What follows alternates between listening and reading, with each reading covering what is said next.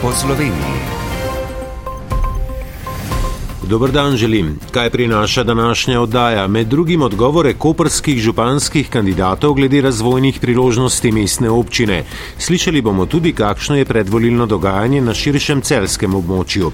Mariborski hotel Habaku, ki je precej tiho, spet odprl svoja vrata. Štajerska prestolnica pa je že pripravljena na martinovanje, ki letos prinaša številne novosti. Gradovi Jelšingrad po četrtek in pod sreda bodo prijeli sredstva iz načrta za okrevanje in odpornost za kaj jih bodo porabili. S pomočjo kulturnega ministrstva pa že poteka obnova brežine z razgledno ploščadjo Lendavskega gradu. Na smočišču Gače so zadovoljni s poletno sezono, pripravljeni so tudi že na smučarsko. Na potep po Sloveniji vabim Dušan Milič. V Koperski občini se je, kot smo poročali, zgodil bolilni zaplet. Stranka Zavedno Koper je vložila ustavno pritožbo zaradi zavrnitve liste kandidatov za občinski svet in za župana v mestni občini Koper. Lokalne volitve na radiju Slovenija. V kampanji za župana Kopra se zdaj tako sooča pet kandidatov in ena kandidatka. Kje vidijo razvojne priložnosti, je zanimalo Tjašo Škamprle. Obrtna cona na Serminu je polna, kje naj dobijo prostor obrtniki, podjetniki. Peter Bolčič, stranka za upanje. Koliko bo lastnik zemljišča na tako imenovanem Sermingu prodajal to zemljišče, bom kot župan uveljavil predkupno pravico in na tistem moču širil obrtno cono. Igor Colja, SDS, meni, da občina lahko pomaga z nižanjem komunalnega prispevka. Dosti drugih eh, stvari je še, ki lahko občina naredi, ampak pod pogojem, da človek, ki bo odprl eno dejavnost, privatnik, mora tudi zaposlovati. Jadranka Šturm Kocijan, SD. Eh, obžalujem, da občinski eh, prostorski plan ni še sprejet, že nekaj desetletij ga čakamo. Mislim, da je to prvi korak, ki bomo v tem OPN-ju umestili dodane možnosti. Boris Popovič, Koper je naš. Hvala Bogu, da ta OPN, ki ga je sedanja oblast sprejemala, da ni šlo skozi kajti niso predvideli nič konkretnega, kar se tiče obrtnikov, za obrtnike in podjetnike. Alen Medveš Levica stavi na socialno podjetništvo in zadružništvo. Z vzpostavitvijo teh dveh uh, modelov upravljanja bi lahko dosegli tudi preboj pri obrtnikih, saj bi se obrtniki lahko začeli med sebojno povezovati v zadruge, iskali skupne sinergijske učinke. Alež Bržan, lista Aleša Bržana in Gibanje Svoboda pravi, da so v prostorski načrt že zapisali, da se bo razvijala cona pri dekanih. Poleg tega pa smo v prostorski načrt oziroma osnotek dali še možnost razvoja novih dejavnosti, storitvenih dejavnosti na območju Bertokov Prat, kjer smo pač naleteli tudi na neke odpore prebivalcev ali pa lasnikov, tako da tu bomo iskali nadaljne rešitve, kako umestiti nove priložnosti. Kot rečeno, je Patrik Greblo izključen iz županskih volitev. S pritožbo, da mu je kratena volilna pravica, se je obrnil na ustavno sodišče. Do končne odločitve lahko sodišče zadrži izvedbo volitev, čeprav pritožniki tega sami niso predlagali. Ustavni pravniki, s katerimi smo se pogovarjali, to vidijo le kot teoretično možnost in predvidevajo, da bo volilni razplet znan hitro. O tem, kako predvolilni golaž kuhajo na širšem celskem območju, pa smo se pogovarjali z našim celskim dopisnikom Matijo Masnakom. Matija, pozdravljen, v katerih občinah bo tekma za županski stavček najbolj zanimiva? Lepo pozdravljeni. Dovolitev je še slab mesec, zato je trenutno težko napovedati, v kateri občini bo najbolj vroča, da ne rečem umazana volilna kampanja. V žalcu in na polzeli bo zagotovo veliko govora o vodovodu in pitni vodi, prah zaradi onesnaženega vodnega vira se še vedno ni polegal. Tekmeci aktualnih županov, to sta Janko Kos v žalcu in Jože Kužnik na polzeli, bodo najbrž skušali odgovorno za te težave naprtiti njima. Največ kandidatov za županski stolček in sicer po pet je na polzeli v Laškem in v celju. Napeta tekma se pričakuje v Šintjurju, čeravno se za županski prestol potegujeta le dva kandidata. Četrti mandat bo Marko Diacijo, ki kandidira s podpisi voljivcev, skušala preprečiti vodja parlamentarne poslanske skupine SDS Jelka Godec. SDS v Šentjurju na državnozborskih volitvah prepričljivo zmaguje, a na zadnjih županskih volitvah pred štirimi leti je njihova sicer precej manj znana kandidatka od Gočeve pogorela. Diacijo je v prvem krogu dobil tri četrtine glasov. Nepredvidljive so napovedi v občinah, kjer se aktualni župani niso odločili za ponovno kandidaturo. Tako se po šestih mandatih z čela občine Vransko poslavlja Franz Sušnik, z občine Luče pa po petih Ciril Rost. Ta je sporočil, da ne bo kandidiral le dva dni pred iztekom roka za vložitev kandidature. Če se ne bi umaknil, bi bil najbrž edini kandidat, zdaj so v lučah trije, enega podpira trenutni župan. Matija, kje pa bo, seveda ne bomo rekli dolgočasno, ampak manj zanimivo. Najmanj zanimivo bo seveda v tistih občinah, kjer je samo en kandidat. V teh dneh bodo zelo mirno spali aktualni župani in županja v zgornji Savinski dolini. Od sedmih občin tega območja je kar pet takih, kjer je le en kandidat. Tako je naprimer v Solčavi, v tej maloštevilčni obmejni občini, kjer živi dobrih 500 ljudi, bo prav tako zanimivo videti, kdo bo zasedel sedemčlanski občinski svet. Na volitvah, tako kot pred štirimi leti, nastopajo štiri liste, v zdajšnjem mandatu ima lista, ki podpira tudi županjo Katarino Prelesnik, 100 odstotni delež. Tako kot drugot po državi je tudi na celskem poplava občinskih in drugih list, največ kandidatov za župana nastopa s podpisi voljivcev. Sklepati je tudi, da tako kot je marsikje že zdaj, se bodo v občinah po volitvah oblikovala zavezništva, ki presegajo delitve na leve in desne stranke, kot je to na državni ravni. Toliko volilni tekmi na celskem za zdaj in lep pozdrav. Hvala in pozdrav v celje. Z nami je bil naš dopisnik Matija Masnak po Sloveniji.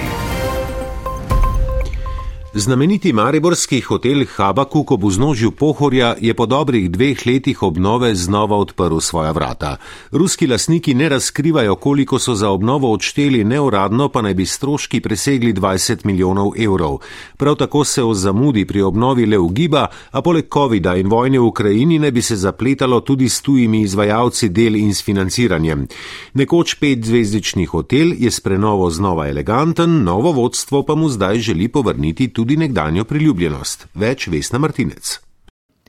Hotel Habakuk ima popolnoma prenovljeno pročelje, recepcijo, restauracijo, bar in diplomatski klub, wellness s fitnessom in tretjino sob, še tretjino so jih delno obnovili. Vodja marketinga Romana Šalamun. Posegi v hotelu so bili zelo zahtevni, seveda to terjalo nek svoj čas. Bile so obnovljene vse cevi, strojnica je popolnoma nova.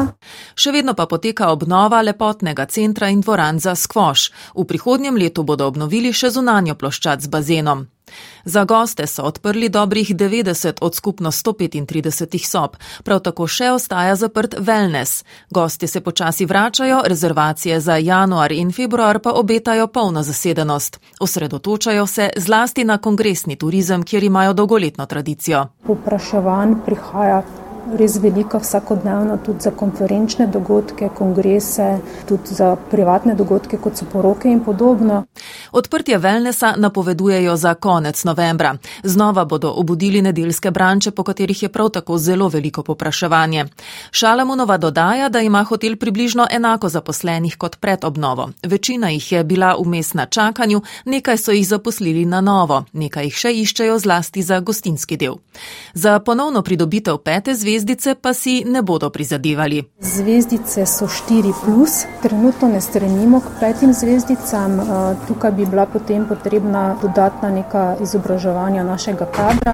Po drugi strani pa se sprašujemo, če mesto Maribor potrebuje petzvezdični hotel oziroma kaj bi hotel z temi petimi zvezdicami doprinesel mesto Maribor.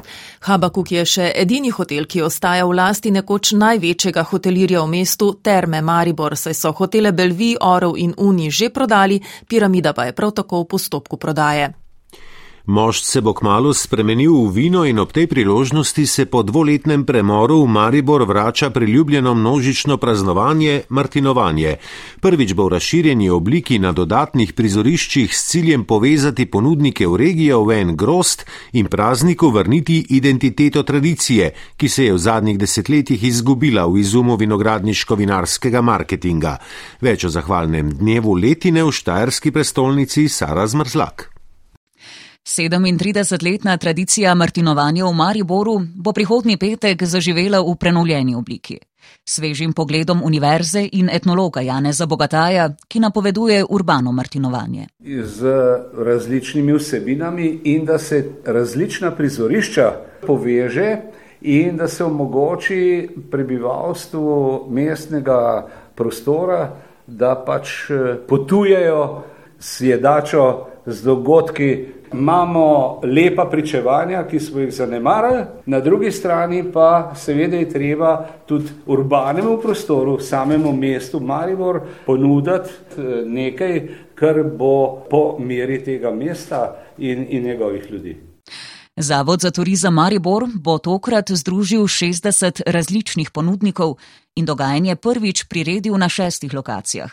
Direktor zavoda Jure Struc. Začenjamo pred hišo najstarejše trte, potem na vodnikovem trgu nad tržnico, na začetnem delu Koroške ceste, na Grajskem trgu, Trgu Svobode in na koncu na trgu Lejana Štukla. Vse prireditve se začenjajo ob 11. uri. Martinova pojedina, degustacije, gostinska ponudba in glasbeni programi bodo skupni večini prizorišč. Osrednje bo tudi letos trg Leona Štuhlja. Do 20. novembra pa se nadaljuje tudi Martinov Wine and Dine, ki združuje gastronomijo lokalnih ponudnikov. V nadaljevanju bomo slišali, da bodo gradovi Jelšingrad pod četrtek in pod sreda prejeli sredstva iz načrta za okrevanje in odpornost in zakaj jih bodo uporabili. Lendovski grad pa s pomočjo Ministrstva za kulturo že obnavljajo. Na smučišču Gače pa so že pripravljeni na primerne temperature in novo smučarsko sezono. Ostanite z nami. Tri občine Kozjanskega bodo z nepovratnimi sredstvi v projektih iz načrta za okrevanje in odpornost dodatno uredile gradove Jelšengrad pod četrtek in pod sreda, ki so v občinski lasti. Ministrica za kulturo Asta Vrečko je včeraj na Kozjanskem obiskala vse tri gradove in podpisala pogodbe za njihove obnove v višini več kot 3,6 milijona evrov brez davka. Na razpis ministerstva je prispelo približno 40 projektov. Suzana Vahtarič.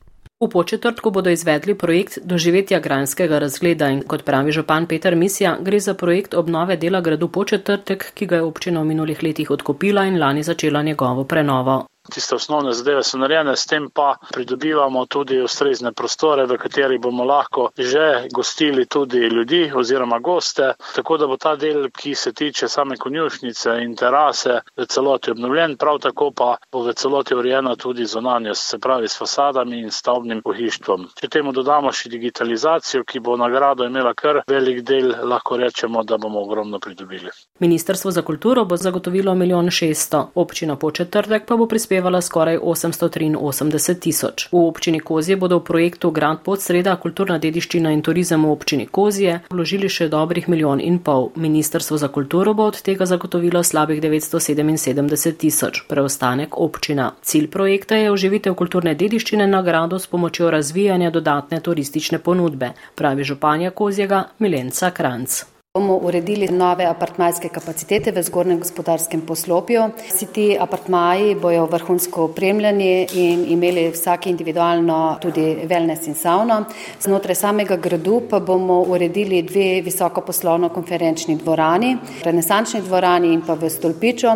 V samem gradu bomo uredili tudi romansko kapelo, možno v nadaljevanju izvajati tudi poročne obrede. Bomo z MR tehnologijo predstavljali, kako je grad nastajal od 12. stoletja naprej.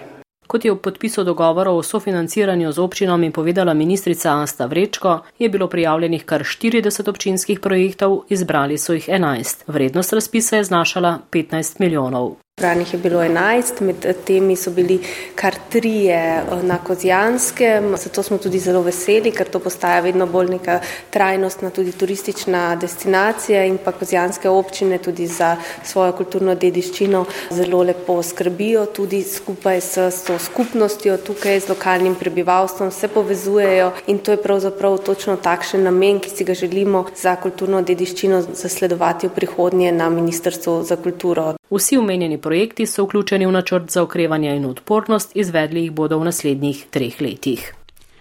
Na vzpetini nad Lendavo stoji grad, ki je bil omenjen že v 12. stoletju. Njegova lasnica je danes občina, ki pa v svojem proračunu težko zagotavlja sredstva za njegovo obnovo. Kljub vsemu so se poleti o pomoči kulturnega ministerstva lotili večje sanacije grajske brežine z razgledno ploščadjo na jugovzhodnem stolpu ter ureditve dela fasade. Del obzidja so že obnovili, prav tako so uredili klet in razgledno ploščad, dokončanje vseh načrtovanih del pa so podali podaljšali do konca novembra. Lidija Kosi.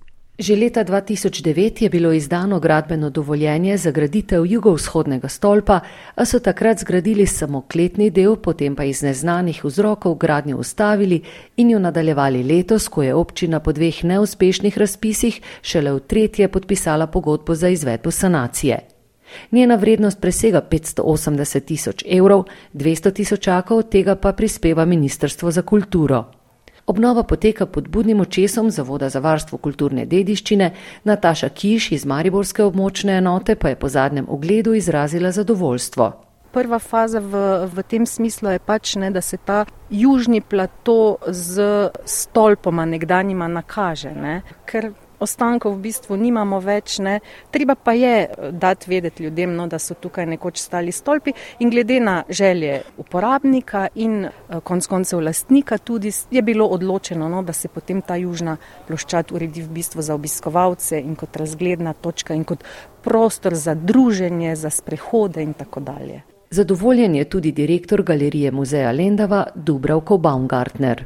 Seveda te dodatne površine pomenijo za nas tudi, da lahko eh, ne samo znotraj eh, gradu izvajamo eh, svoje programe, ampak da tudi na dvorišču, v smislu zunanje galerije. To sprednji del gradu, ki se zdaj ureja, pa definitivno bo odlična, bom rekel, skočna deska za take manjše koncerte, literarne večere, otroške delavnice in druge podobne dejavnosti se se upravljavci nadejajo, da se bo število obiskovalcev gradu že prihodnje leto približalo tistemu pred epidemijo, ko jih je bilo 38 tisoč. Vsekakor bi bilo treba z obnovo nadaljevati, je pripričan tudi Robert Recek z oddelka za prostor, infrastrukturo in gospodarske javne službe na Lendovski občini. Mi projekte pa želje pa marsikaj imamo, ne? samo je vse odvisno potem od raznih razpisov in podobnih stvari.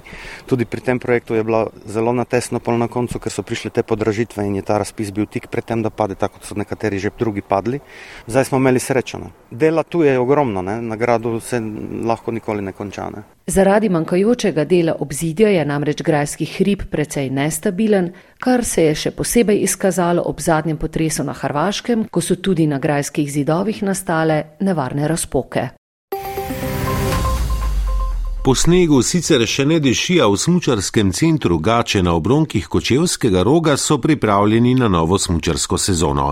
Za dve leti imajo pridobljena vsa dovoljenja za žičniške naprave. Glede zasneževanja imajo pripravljene tri scenarije, zadovoljni pa so tudi s poletno sezono. Več Jože Žura. Poletna turistična sezona na Gačah, prva po koroni in brez turističnih bonov, je bila dobra, saj so imeli koncertne in druge dogodke dobro obiskane, pove vodja smočišča Borut Koprivnik. Team buildingu smo imeli ogromno, vikendi so bili polni, kolesarstvo je bilo sicer malo manj, ampak se, se vidi, da se pač izboljšuje, da pridejo tudi uh, turisti iz, iz drugih držav. Novost na Gačah je adrenalinski park za otroke, dodaja Borut Koprivnik. Tudi drugo leto, konec marca, začnemo funkcionirati. Dela se projekt Zipline od vrha Sedežnice do dol, glamping. Eh, trenutno smo dali eh, za glamping eh, za gradbeno dovoljenje.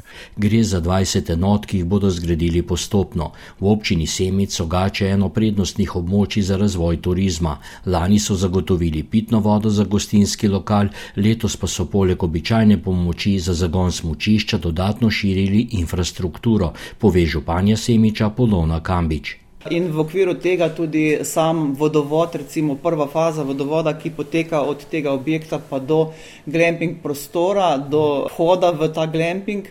Na Gačah so na zimsko sezono dobro pripravljeni, za vse žičniške naprave imajo pridobljeno obratovalno dovoljenje, od pogojev in tudi cene elektrike pa je odvisno za sneževanje, pojasnjuje Borut Koprivnik. Imamo vse možne scenarije od tega, da pač med tednom sedežnica ne dela, dela sem gača ena in otroška, uh, vekolikor bojo energenti taki, kot pričakujemo, kot se nekaj govori, potem bo obrtovalo celotno smočišče. Najprej pa bodo zasnežili otroško progo v celoti, da bodo omogočili izvedbo tečajev in smučanje otrok. Sicer pa so se v podjetju Gače odločili, da bodo cene urnih, dnevnih in tedenskih vozovnic ostale na ravni minule sezone, v kateri so imeli 50 smučarskih dni in preko 15 tisoč smučarjev. Številna smočišča se nove sezone bojijo prav zaradi nepredvidljivih cen elektrike. Upajmo, da bo zima radodarna vsaj s snegom.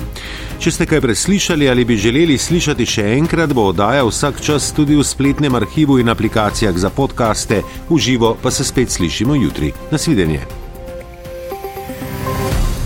Poslušali ste oddajo po Sloveniji. Urednik in voditelj Dušan Milič, tonski mojster Grega Žumar.